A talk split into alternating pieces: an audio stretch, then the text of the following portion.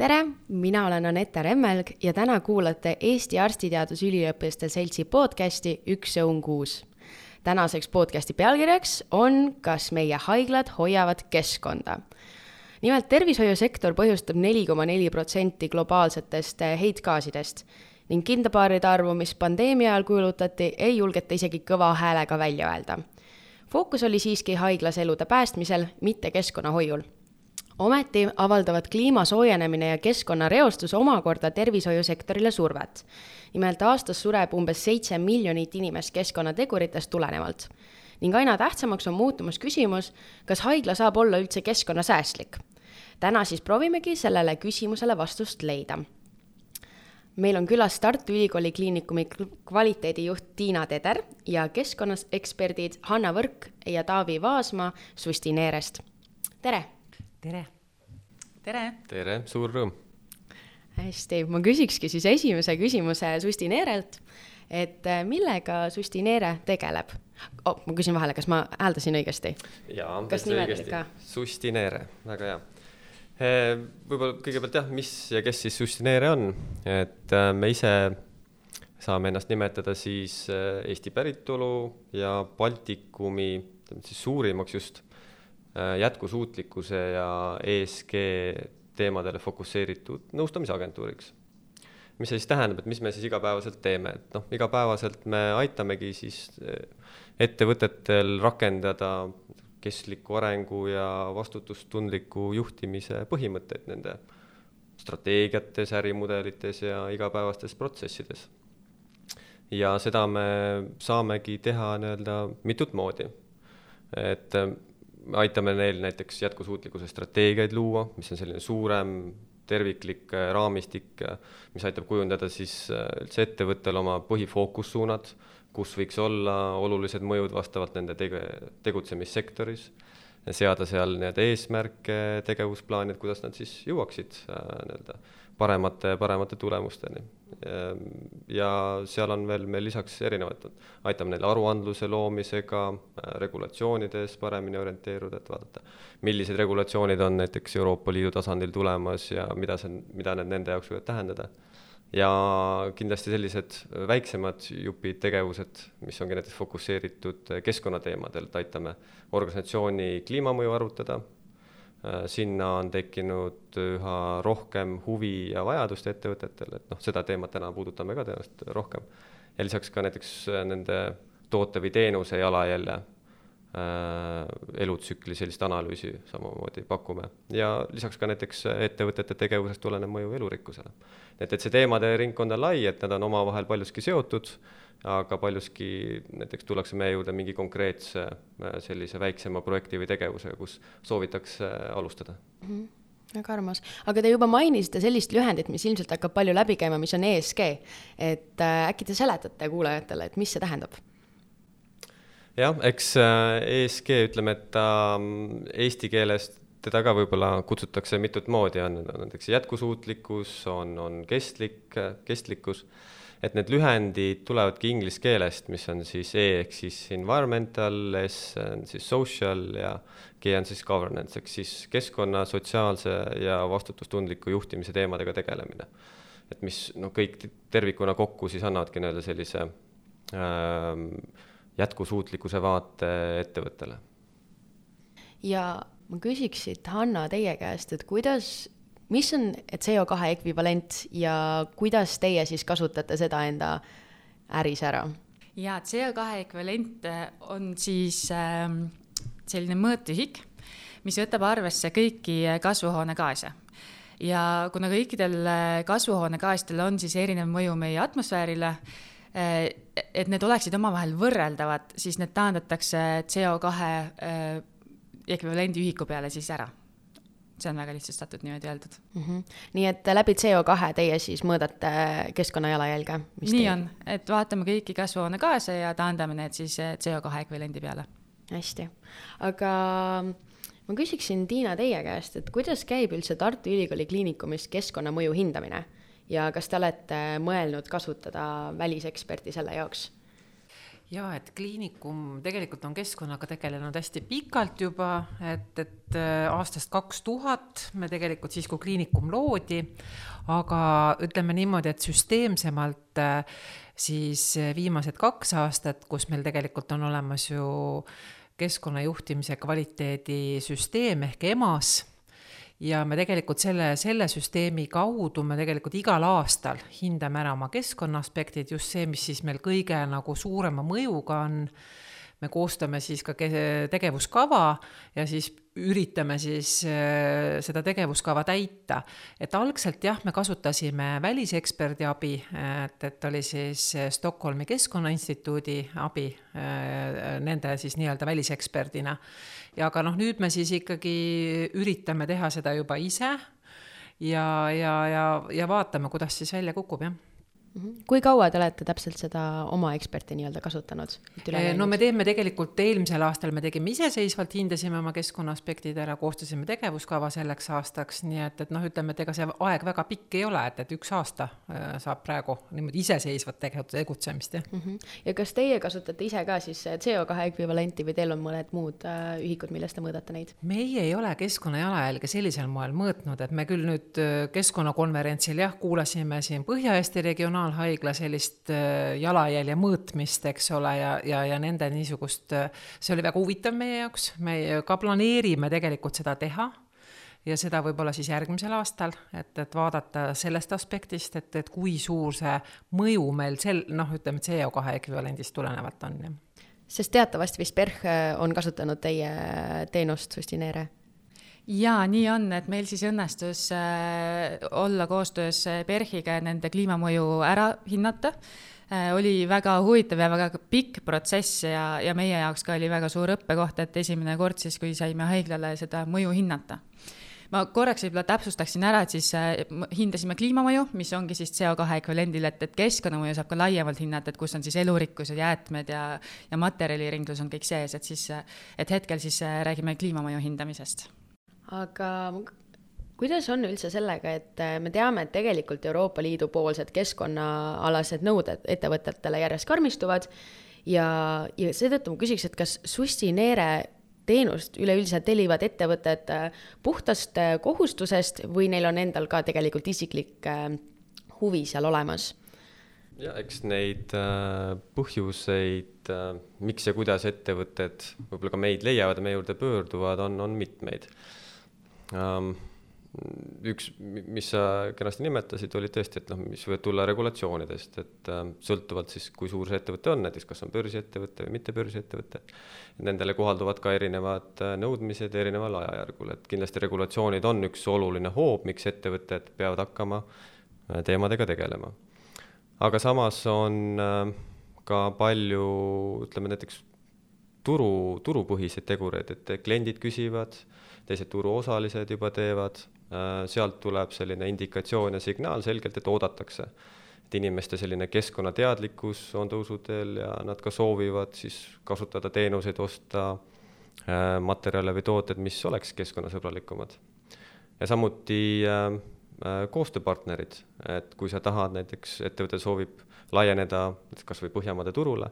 ja ta ei ole tegelenud oma keskkonna aspektide või keskkonnamõjude kaardistamisega, juba ka näiteks numbriliselt, siis on väga keeruline seal nii-öelda turule pääseda, sest teised, kes juba ees on, on nii-öelda sammuke kaugemal. ja kahtlemata on ka rahastajate pool, et ettevõtted, kes otsivad täiendavat nii-öelda kapitali pankade poolt, siis, siis need on juba väga selged aspektid, mida küsitakse, et sellest sõltuvad siis ka need tingimused, kuidas sealt kapitali on võimalik pankade poolt kaasata nii et nagu näha, on aina olulisem küsimus äh, keskkonna. absoluutselt ja nagu mitme tahu poolt, et kui mm, -hmm. kui ettevõttel tuleb neid indikatsioone juba mitmest erinevast äh, nurgast, siis on väga selge, et, et see on see nii-öelda uus konkreetne ja selge normaalsus, kuhu poole tuleb liikuda ja mis on nagu vajalik. no seda on absoluutselt rõõm kuulda aga kuidas üldse on, et mis te ise hindaksite, Justineere, et kuidas, millised haiglad on äh, siis huvitatud äh, või hindavad üldse oma keskkonnamõju? Kas nüüd just saab, võib-olla on siin tõesti, et oskab kliinikumi esindaja paremini vastata, et missugused haiglad, ma arvan, et mina ise arvaks, et, et väga palju ju oleneb ka, kui juhtkond ise on huvitatud või kui töötajad ise soovivad, et töötada sellises kohas, kus väärtused klapivad nende enda väärtustega. Ja et me saame siin küll öelda seda, et, et kliinikum on selles mõttes olnud niisuguses juhtrollis, et me oleme seda keskkonnateemat siin Eestis vedanud juba pikemat aega PERH kenasti siin tuleb meiega kaasa ja tahab meid üle trumbata ja selline konkurents on alati teretulnud ja et selles mõttes ja, ja me näeme seda ka, et et, et ka väiksemad haiglad, noh, ütleme näiteks, kes on siis näiteks meie sidusushaiglad siin Lõuna-Eestis, et, et ka need tegelikult tulevad kaasa ja proovivad oma keskkonna aspekte hinnata ja, ja on sellest teemast huvitatud, et et, et eks tegelikult see ongi nii, et, et kui suured ettevõtted ehk siis suurhaiglad veavad seda teemat eest ja peavad seda oluliseks, siis tegelikult ega siis, mis teil teistel üle jääb, et, et nad ikka tulevad kaasa küll. ja ma, ma, ma tõesti nagu, meil siit käis läbi kolleegilt, et, et, et, et pangad ja see rahastamise pool, et me oleme sellega tõesti kokku puutunud, kuna kliinikum ju ehitab palju, teised, teised haiglad ju ka, aga et noh, need summad, mida me siis ka laenuks soovime saada läbi erinevate Euroopa pankade, on ju piisavalt suured ja tegelikult nende esimesed küsimused lisaks finantstulemuste noh, nii-öelda finantsanalüüsile on ikkagi selline keskkonnahoidlikkus. mitte ainult jäätmed, eks ole, et kui palju te siis tegelikult nüüd tekitate ühte või teist asja, vaid ikkagi just see kestlikkuse teema, et, et, et kuidas üldse kogu see keskkond on teil juhitud äh, selles ettevõttes, et need küsimused esitati meile tegelikult juba viis-kuus aastat tagasi. ja siis me tegelikult ikkagi vaatasime neid natukene sellise kummastava pilguga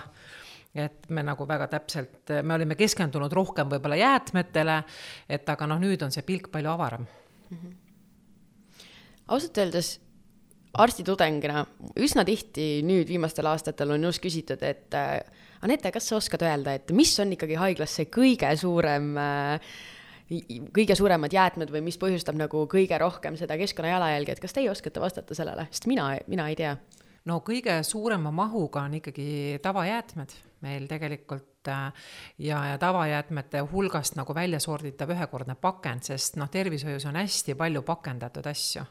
Et me ju kasutame erinevaid tarvikuid noh, oma noh, noh, selles põhitöös nii-öelda ehk ravitöös ja tegelikult meditsiinis on enamik asju pakendatud.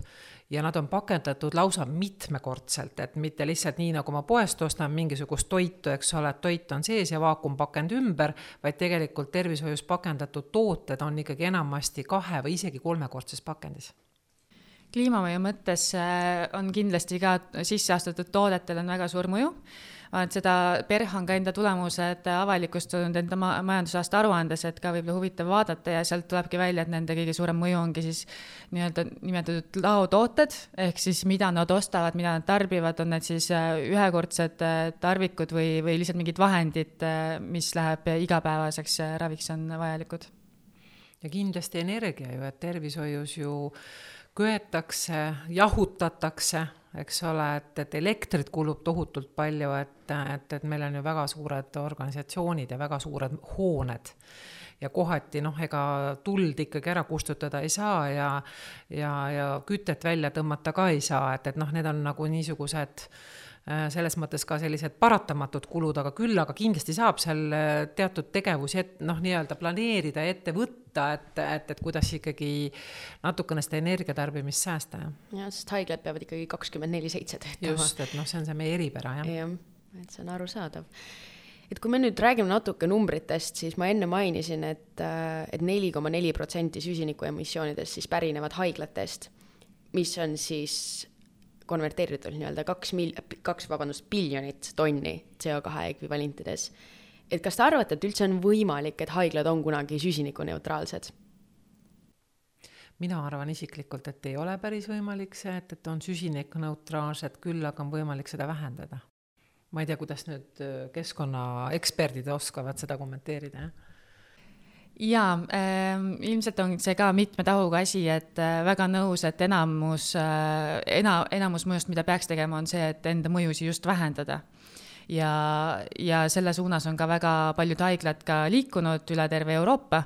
aga on ka mõned siin välja hüüdnud enda süsinikneutraalsuse soove ja sealhulgas näiteks Inglismaa, Suurbritannia, NHS kes siis ka väga jälgib, väga mõõdab ja, ja liigub siis äh, süsinikneutraalsuse suunas. Et, et vaatame huviga, mis, kuidas juhtub ja kuidas neil äh, siis teekond on võib-olla ühe nüansi veel äh, toon juurde ka, et sellest süsinikuneutraalsusest räägitakse hästi palju, et tihtilugu võib jäädagi natukene mm, veel lõpuni arusaamatuks, et mis, mis see siis täpselt tähendab, et kuidas siis seda saavutatakse, et et ka selleni jõudmiseks on, on mitu võimalust. et näiteks, kui me vaatame Euroopa Liidu tasandil, et Euroopa Liit, eks ole, on võtnud ka selgelt eesmärgiks jõuda süsinikuneutraalseks, aga kui seda strateegiat vaadata, ega see ei tähenda, et nad suudavad äh, kõiki mõjusid ise vähendada nullini. Et noh, selles suhtes antakse endale aru, et see põhisuund, põhiraskus peab olema vähendamisel, see on selge, et tuleb neid emissioone vähendada, aga ei ole kas keskkondlikel, majanduslikel või tehnilistel noh, piirangute tõttu võimalik ikkagi päris nulli jõuda. Ja see tähendab, et kuskilt tuleb äh, seda kompenseerida ehk siis tuleb äh, suunata ka ressurssi näiteks kas ökosüsteemide taastamisse, ma arvan, mis oleks, võiks olla nagu number üks teema, mis äh, nii-öelda oleksid meie suureks abikäeks täiendavate emissioonide sidumisel. ehk siis me suurendame ka seda sidumist ikkagi ökosüsteemidesse, mida me taastame, ja samal ajal tegeleme aktiivselt nii-öelda oma mõjude vähendamisega. nii et arvate, et haiglad peaksid hakkama siis äh või noh, et tuleks kompenseerida siis näiteks lageraietega, et vanad äh, puud maha võtta ja et uued saaksid äh, rohkem siduda emissiooni ehm, sel-, sel-, selle poolega ma nõus, ma sinna teemasse väga ei hakkaks praegu minema, et siis, siis meil see podcast võib väga pikaks minna, et äh, metsandusteema on väga kuum teema, olen nõus äh,. ja raieteema veel eriti äh,. pigem äh, ma vaataksin siin, no vaata, riigid ja, ja eraettevõtted, nad saavad tegeleda natukene äh, Äh, erinevas äh, nii-öelda võib-olla ka lähtepunktis, et äh, kus, kes kuskilt mingeid suuniseid võtab, et ähm, noh, ega haigla ise jah, ta, ta ei lähe ju välja, eks ole, kuhugi otseselt midagi istutama või tegema, et, et see on nagu niisugune strateegilised küsimused, et sul tuleb anda, luua selline pikaajalised ambitsioonid, eesmärgid ja hakata panema paika siis lühemaajaliselt selliseid konkreetseid samme, et kuidas me hakkame sinna liikuma. Ja regulaarselt siis vaadata üle, kuidas see progress on olnud, kas see on liikunud vajalikus tempos, kui ei, et kus oleks vaja neid muudatusi teha, et see on niisugune samm-sammuline liikumine, aga väga selgelt peab olema see suund ja ambitsioon paika pandud ja, ja siis ka nii-öelda organisatsioon, nii-öelda juht kui ka kõikide töötajate tasandil sinna kaasatud. Aga kahe tuhande kahekümne esimese aasta Arvamusfestivalil äh, jõuti siis konsensule, konsensusele et ühekordsete jäätmete kasutamine on mõttekas vaid siis valdkondades, kus see on põhjendatud. ehk siis näiteks meil on pigem mõttekas kasutada klaasveepudeleid kui plastpudeleid. kuid äh, plast, plastsüstal tasemel siis klaassüstlaid ei olegi mõtet kasutada, äh, sest et neid peab siis pesema ja desinfitseerima. kuid samas äh, saab vähendada haiglas ühekordsete jäätmete kasutamist. kuidas te arvate, et seda oleks võimalik teha? no mõningad mõtted meil on, et äh, et me tegelikult äh, tarbime teatavaid niisuguseid tarvikuid, noh näiteks äh, on selline väga kuum teema ja seoses ka Covidiga, noh, kus meil tegelikult ju ei tahtnud ju mitte midagi puutuda, kõik pidi olema ühekordne, siis tegelikult näiteks asjade kohaleviimiseks kasutati ühekordseid neerukausse, et need on toodetud sellisest papist või, või noh, midagi selle sarnasest ja noh, neid on ja see on nüüd jäänud noh, nii-öelda sellisest, sellest Covidi ajast noh, nii nagu meile verre, et me tegelikult tahaksime need asendada. meil ei ole vaja neid kasutada ühekordselt, me võiksime täiesti mingisugustest, kas siis plastist või metallist korduskasutuses neerukausse kasutada, meil on olemas ju igal pool eh, osakondades võimalused need asjad puhtaks teha, nii et, et see kindlasti me ostame tonnides neid sisse. Et lihtsalt täpsustuseks. Siis kindlasti, mida me kasutame ühekordselt täna, on meil äh, patsientide ravimi, ravimiseks antavad, ravimite kohaleviimiseks siis ravimitopsid noh, need on niisugused plastist sellised väiksed topsikesed, jälle noh, nagu tuhandetes ja tuhandetes me ostame need sisse, sest me viskame need ju ära kohe. et, et, et ka see on kindlasti võib-olla selline asi, mida me saame muuta ja, ja, ja võtta neid korduskasutusele. noh, me oleme pidanud ka läbirääkimisi operatsiooniteenistusega, et, et kus me tegelikult täna kasutame hästi palju instrumentaariumi ja väga mugav on tegelikult ähm, ja seda ka propageeritakse, vara, on propageeritud varasemalt, et, et kõik võiks olla ühekordne. et ongi niisugused erinevate operatsioonide komplektid, komplekteeritakse kokku ja pärast on jube mugav ära visata ja tegelikult äh, nüüd on see fookus jälle uuesti tagasi suundumas äh, selleni, et, et ikkagi see instrumentaarium võiks olla ju ikkagi mitmekordses kasutuses ja, ja tegelikult ei, ei peaks olema nii palju neid, neid komplekte, mis koheselt tegelikult ära visatakse, sest noh, sealt võib-olla isegi kõike ei tarbita ära, vaid tegelikult lihtsalt visatakse ära ja noh, operatsioonide arv ju ülikooli haiglas on ju väga suur aastas, kui me mõtleme, et, et siis tegelikult ka need kogused on ikkagi tohutud. noh, loomulikult kõik niisugused toidunõud, et noh, mida me ka kasutame, et me tegelikult viimastel aegadel olemegi ju üle läinud äh, ikkagi korduskasutuses nõudele, on see klaasist, keraami, keraamilisest materjalist, varasemalt oli ikkagi jube lihtne, et noh, et plast ja noh, et mingisugune muu ühekordne pakend, et noh, nüüd me tegelikult oleme seda fookust muutnud, jah. ja nüüd on, kõik on näinud neid Ringo äh, kogumis äh, väikseid kapikesi või kastikesi, et see on väga tore muudatus, mis on tehtud. aga kas te oskate öelda, et kuidas veel, sellepärast et äh, see Tartu Ülikooli Kliinikumi keskkonnaosakonna juhataja Triin Arujõe mainis siis sellel ähm, konver-, keskkonnakonverentsil, et näiteks võib kasutada päiksepaneele Raja tänaval äh, või noh, ühekordseid neerukausse te juba mainisite, et kas päiksepaneelid on äh, jaa, et me oleme siin võidelnud nende päiksepaneelide eest nagu pikalt, ei ole siiani see lind lennanud piisavalt niimoodi kõrgelt, et aga nüüd tõepoolest äh, Äh, on meil ikkagi analüüs valminud ja ikkagi ja pilooditakse, et, et tegelikult seda taastuvenergiat rohkem kasutada ja, ja just seda päikesepaneelide kaudu siis koguda ja akumuleerida. Et selles osas on meil päris suured äh, noh, nagu edasiminekud tõesti, et, et me proovime seda teha, sest et see energia tarbimine kliinikumis on ikkagi tohutu aga sellele ma küsiksin siis äh, vastu Susti Neere, et äh, mis on see üks, nüüd te saate tasuta äh, konsultatsiooni teha, et mis on see üks soovitus, mille te annaksite kliinikumile, et nad saaksid end, vähendada enda kliimajalajälge? jah, kui me nüüd kliimast väga räägime, siis ma arvan, et see ongi kõige lihtsam esimene samm ongi siis äh, kasutada taastuvenergiat või taastuvenergia lepingule üle minna, et äh, nagu ka varasemalt mainiti, et äh, on ju haiglatel väga suur energiatarve. Ja, ja kui selle energia tarbimisega juba siis toetada ikkagi taastuvenergia projekte, mitte meil siin fossiilsetest kütustest elektri tootmist, siis see on kindlasti see esimene samm, mida võiks ära teha jah, ja ma lisaks võib-olla selle siia juurde veel sellise nii-öelda väikse mantra, mis, mis Justineeres ka alati on, kui ettevõtetega koostööd alustame, et niisugune kolm, kolm põhisammast, et on esimene mõtesta, ehk siis organisatsioon mõtestaks läbi äh,, miks ta seda teeb äh,, miks on see vajalik, kust see vajadus tuleb, kuidas kaasata ja nii edasi. teine on mõõda ehk siis panegi see mõju konkreetselt numbritesse, tuvasta, kus on need mõjukohad, kus on need suuremad mõjukohad. Äh, see annab väga selge võimaluse, kuidas hakata üldse nendega tegelema. ja see kolmas pool ongi muuda. ehk siis äh, milliseid samme tuleks hakata tegema, millistes mõjukategooriates, kus see kõige suurem mõju on, et seda nii-öelda vähendamisega alustada, et ongi mõtesta, mõõda, muuda. ja neid samme saab nii-öelda iteratiivselt rakendada arusaadavalt on kõrgemal juhtkon-, kõrgem juhtkonna level siis vastu võtnud need muudatused, aga on ka arusaadav, et kui kõik ülejäänud personal seda ei, ei nõustu või ei rakenda, et siis ei tule ka nendest muudatustest midagi välja, et kuidas siiani on vastu võetud? no ega oleneb teemast, et tegelikult ma ütleks, et keskkonnateema täna on ikkagi aktuaalne igas grupis, et ja, ja no ega seda toetab ju praegu ka see, et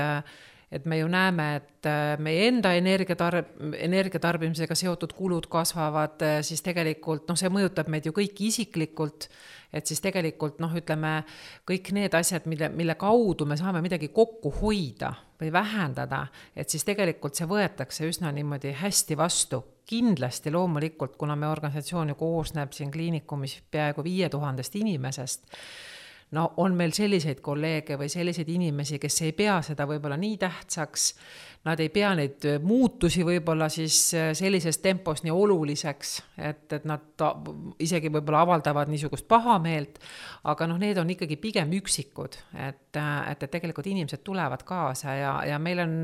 tõepoolest ka väga hea kommunikatsioon ja, ja koostöö kommunikatsiooniteenistusega, kes siis tegelikult nii-öelda sisekommunikatsioonis väga palju neid teemasid püüab käsitleda ja pikkida nende erinevatesse teemadesse, et et eks see inimeste teadlikkuse tõstmine või, või tuua välja see inimese isiklik nagu panus äh, kogu sellesse süsteemi, et võib-olla see oleks nagu see võtmesõna, et, et, et need muutused saaksid teoks, jah kas te muidu os-, kas te näete ka, et on juba muutus toimunud või et on paremuse poole liikunud?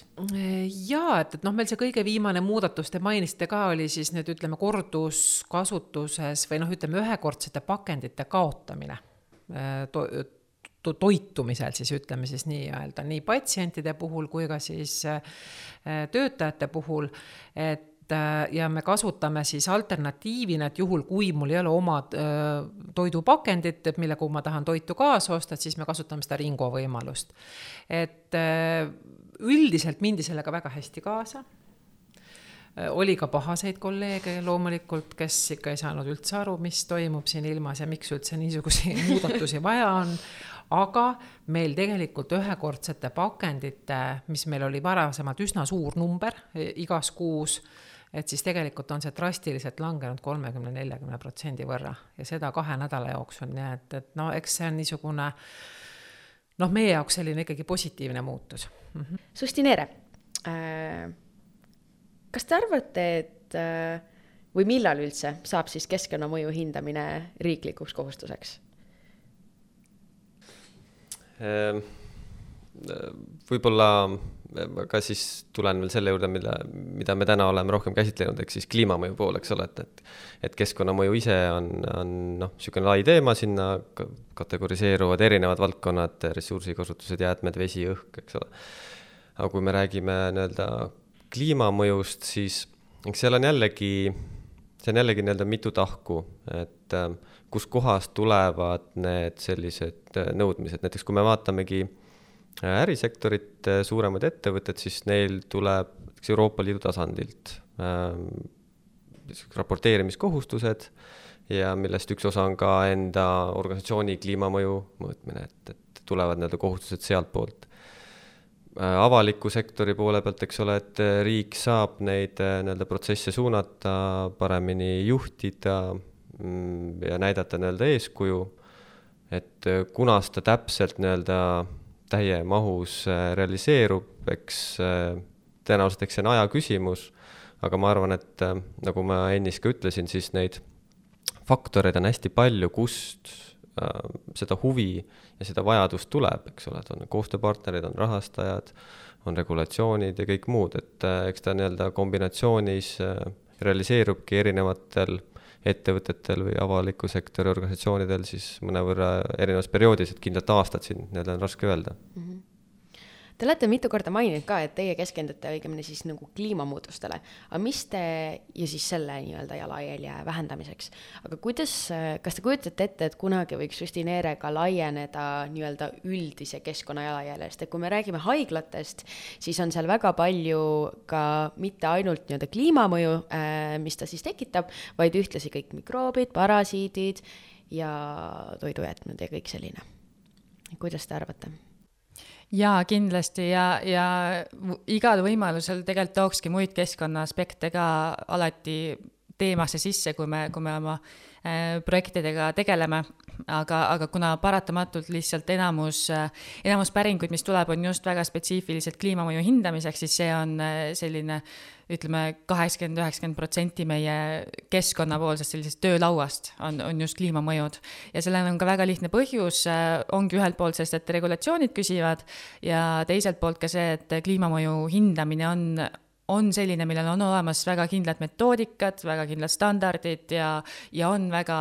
on kvantifitseeritav tulemus, et äh, kõik muud elurikkuse mõju näiteks ja, ja ri, materjalide ringluses hoidmine, et äh, seda kõike on võimalik mõõta, aga need äh, lähenemised veel ei ole võib-olla nii paika pandud, kuidas ja et, et see kõik toimiks siis ühtsetel alustel. arusaadav, kui pole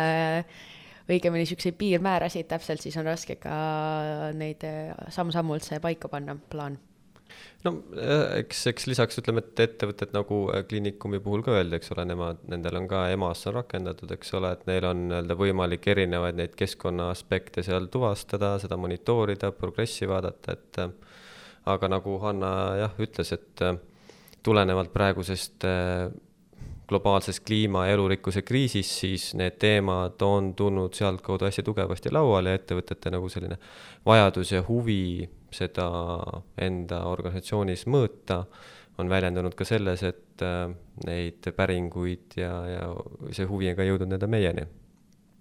aga see jah, tõesti ei välista, et me, me saaksime ainult sellele nii-öelda kliimamõjule keskenduda, sest alati peab vaatama seal kõrval ka teisi keskkondlikke aspekte, et näiteks üks näide, et kui sa organisatsioon tahab mingit materjali, mingit sisendit äh, välja vahetada, millel võib olla väiksem äh, nii-öelda kesk- või noh, ütleme väiksem kliimamõju, aga see ei garanteeri näiteks, et selle materjali hankimiseks on tehtud kahju ökosüsteemidele, elurikkusele, et noh, peab kõike seda nagu ikkagi laia spektrit alati silmas pidama, kui hakata reaalseid otsuseid tegema ka nii-öelda mõju vähendamise suunal ma tegelikult endast puhtast äh, uudishimust, et noh, teate siis elektriautod ilmselgelt väga, et see, ma ei mäleta, ma olin vist, see oli mitu aastat tagasi, kui see mõte tekkis, sellepärast et siis, kui mina olin, õppisin äh, põhikoolis või gümnaasiumis ja õppisin rohkem, et kuidas siis Eesti enamus nagu energiat ja elektrit saab. ja siis mul tekkis küsimus, et elektriautod, kui me kasutame selleks fossiilkütuseid, siis kui kasulik ta üldse on või kui palju ta siis vähendab kogu seda emissiooni, et kas te oskate mulle numbritest täpsemalt rääkida? Või nagu kasvõi protsentuaalselt enam-vähem ähm.? elektriautod on jah huvitav teema, et eks mõnes mõttes niisugune levib vastuolulist informatsiooni ähm,. siin on nagu paljudes asjades on niisugused stsenaariumi küsimused. et ei ole nagu asi must ja valge, vaid on erinevad stsenaariumid. Ehm, sellist el-, elektriauto elutsüklit vaadates, ehk siis vajalike toorme hankimisest, selle töötlemisest, auto kokkupanemisest, auto kasutusest kuni siis auto nii-öelda mahakandmiseni, on niisugune elektriauto elukaar. ja neid erinevaid etappe saab nii-öelda võrrelda elektriautode ja ütleme, et siis sisepõlemismootoriga autode osas. ja on selge, et noh, et selle akude tootmiseks kulub oluliselt rohkem energiat, oluliselt rohkem nii-öelda ka näiteks haruldasi metalle ja seal mm, sellega kaasnev ka kliimamõju ja keskkonnamõju tõenäoliselt laiemalt on, on suurem. nüüd äh, kui vaadates seda järgmist sammu, et kui see auto on juba jõudnud siis oma kasutaja kätte, siis seal on olnud faktor, et kuidas või kust see elekter siis tuleb, äh, millega akusid laaditakse. kas see on siis taastuvenergia, on see nii-öelda fossiilenergia või on see mingisugune kombinatsioon nendest mõlemast. siin äh, on juba autotootjad teinud neid hinnanguid, näiteks noh, üks on Volvo, kes on ka teinud, et seal äh, ütleme, selline stsenaarium, kus kasutatakse taastuvat energiat äh, selle paarisaja tuhande kilomeetri jooksul, mida hinnati siis selle auto äh,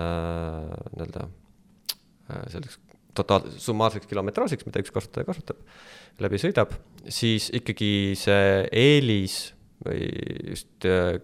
emissioonide mõttes äh, kui ma õigesti mäletan, see võis olla seal kuskil nelikümmend kuni kuuskümmend protsenti, ma arvan, vahemikus. ehk siis ta selgelt seal on äh, suurem eelis kui aga see auto leiab kasutuse mõnes muus riigis, kus ongi valdavalt nii-öelda fossiilenergia, siis see eelis juba seal nagu väga selgelt ikkagi äh, kaob ära. et äh, tõenäoliselt seal mingid väiksed protsendid on, võib-olla mingi kümme, paarkümmend protsenti, aga see sõltubki puhtalt sellest nii-öelda energia tootmisest. Et seal peabki vaatama neid erinevaid nii-öelda etappe, et kuidas siis see auto või noh, erinevaid etappe selles auto elukaares. ma arvan ka, et kui kui juba on keegi äh, nii keskkonna peale mõtleb, et, et ostab endale elektriauto, siis kindlasti võiks ta seda ka taastuvenergiaga laadida. ja, ja kui seda teeb, siis äh, kindlasti on äh, keskkonna siis kliimamõju jalajälje mõttes elektriautol eelis fossiilse sisepõlemismootoriga auto ees. seda on mitmed uurimused juba, juba arut-, otsinud ja leidnud. Rõõm kuulda mm. -hmm. väga hästi kas teil on äh,, kallid külalised, kas teil endal on midagi lisada veel? Et mul endal on alati huvitav uurida, et, et erinevate inimeste käest, et kui, kui keskkonnateadlikud on nemad ja nend-,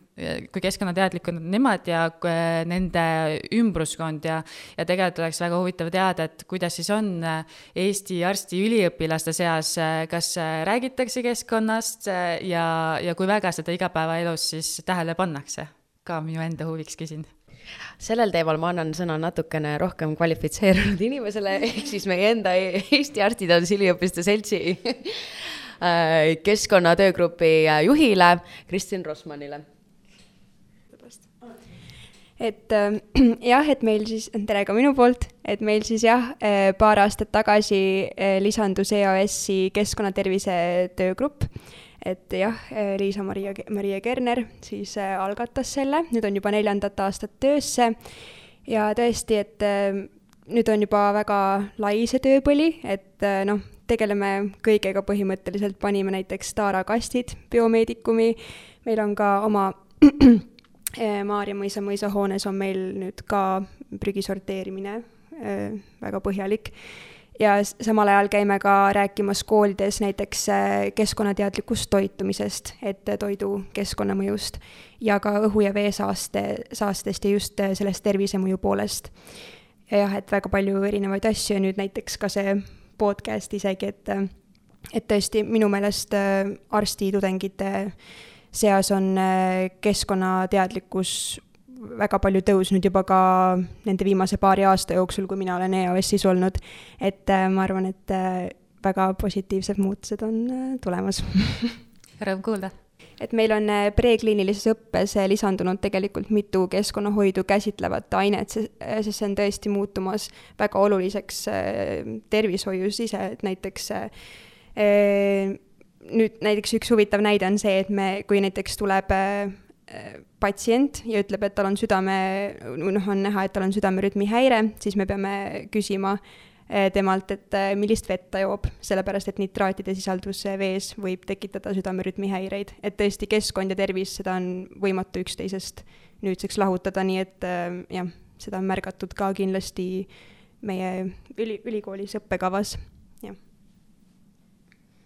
mina küsiksin siit vahele, et ma küsisin teilt, et mis on üks soovitus, mida te annaksite Tartu Ülikooli äh, kliinikumile. Äh,, mis oleks meile, arstiõpilastele? mina alustaksin jälle sellest esimesest sammust, eks see ongi niisugune mõtestamine, teadlikkuse tõstmine, et seda, mida te ju tegelikult ka siin teete läbi podcast'i, läbi töögrupi tegevuste, inimestega rääkimise, sest kunagi ei tea, millal üks kas või väikene infokild võib olla väga oluliseks sisendiks kellelegi teisele, et, et kus informatsioon on järjepidev, äh, on selge, siis on juba väga olulised sammud tehtud. iga muutuse aluseks on tõesti arusaamine, et miks see muutus toimub et, et kui keegi ütleb sulle, et kanna nüüd iga päev seda poekotti kaasas, siis sa küsid, milleks, et see võtab mul ju kotis ruumi ära, kui mul on see ühe, see riidekott ka sealjuures, aga kohe, kui saad aru, miks ja, ja mis mõju see keskkonnale või ümbritsevale üldsegi avaldab, siis neid muudatusi on väga palju lihtsam igal inimesel enda sees ka lahti mõtestada ja, ja rakendada. suur aitäh teile soovituste eest ja me alati küsime lõpetuseks meie kuulajatelt ka, või vabandust, külalistelt ühe põneva küsimuse. Ähm, ja mina küsiksin seekord teilt kõigilt, et mis on üks asi, äh, mis ei ole just kõige keskkonnasäästlikum, kuid millest te ise ei suudaks kunagi loobuda? nii, ma võin siis siin alustada, et ähm, äh, kindlasti mina arvan, et ikkagi äh, lennureisid on sellised, mida on, millest oleks väga raske loobuda, et et kuigi ma ka väga tihti siin seda võimalust ei kasuta, et, et ikkagi äh, olen, jälgin ka, et, et, et minu reisid oleksid äh, võimalikult äh, keskkonnasäästlikud, siis aga aeg-ajalt ikka natukene tahaks päikest ja D-vitamiini juurde, et siis äkki sellised Äh, puhkusereisid kuskile, kuigi mul äärepealt äh, läks, mul on väga hea jutt sellega ka, et ähm, et ma võtsin äh, kaks tuhat üheksateist aasta lõpus uue aasta lubaduse, et uuel aastal mina välismaal puhkamalas ei käi. Ja siis läks täide, sest et koroona aasta tuli. Väga keskkonna eeskujulik no me siin korra arutasime kolleegidega omavahel ka seda küsimust, et, et, et no mida, mis on see asi, mille, mille, mille, kuhu me tagasi minna kindlasti ei taha. et, et no meil on väga palju selliseid kolleege, kes on töötanud väga pikalt meie organisatsioonis ja nad mäletavad väga hästi selliseid aegu, kus siis Äh, tehti igasuguseid vatitupsusid ise ja lõigati mingeid marlist, olid mingid suured marlikangad, kus siis inimesed lõikasid mingisugused õige suurusega asju, et, et noh, et siis nii-öelda teha, keedeti süstlaid sõna otseses mõttes ja nõelu, et et need olid nagu need asjad, mida tegelikult nagu, kuhu keegi enam tegelikult tagasi minna ei tahaks, kuigi võib-olla jah, keskkonna Äh, aspektist võetuna, et, et noh, me kasutame neid korduvalt, et aga noh, see oli ka nagu väga selline mahukas ja, ja selline ebameeldiv töö, jah. jah, äh, kuna see küsimuse püstitus oli, et millest nagu kunagi loobuda ei suudaks, et siis, siis ma pidin kohe natukene pingutama ja mõtlema, et, et kui suur mul siis see tahtejõud võib olla, et, et millest ma, millest ma kunagi nagu loobuda ei saaks, et et siis ma võtsin ka ja, ja mõtlesin, et tõesti, millest ma tõenäoliselt kunagi loobuda ei saa, üsna kindlasti tegelikult oleks äh, elektri tarbimine. Hmm.. elektri tarbimine, noh, seda on meie igapäevases äh, eraelus, tööelus, igal pool vaja, praegusel hetkel Eestis ta ei ole, eks ole, keskkonnasäästlik, jätkuvalt sinnapoole ollakse teel. Ma võin osta näiteks ka nii-öelda päritolu sertifikaate, et minu nii-öelda, et panustan oma tarbimisega taastuvenergia tootmisesse, aga et seda taastuvenergia võimekust toota, on vaja ikkagi praegusel hetkel fossiilsed kütused, mis jällegi ei ole nende keskkonnasõbralik, et, et kas otseselt või kaudselt ikkagi on seal nii-öelda selline negatiivne keskkonna aspekt juures, aga ta hetkel on veel täiesti paratamatu, et siis, siis see oleks, see oleks minu nii-öelda loobumisvõimatus, ütleme siis. väga armas, aga suur aitäh teile tulemast ja ilusat päeva! aitäh! aitäh! aitäh, suur aitäh kutsumast! Äh, olge valvel ja ikka jälgige meie Facebooki ja Spotify'd, sest juba järgmine kuu on meil podcast äh, uneteemaline. nägemiseni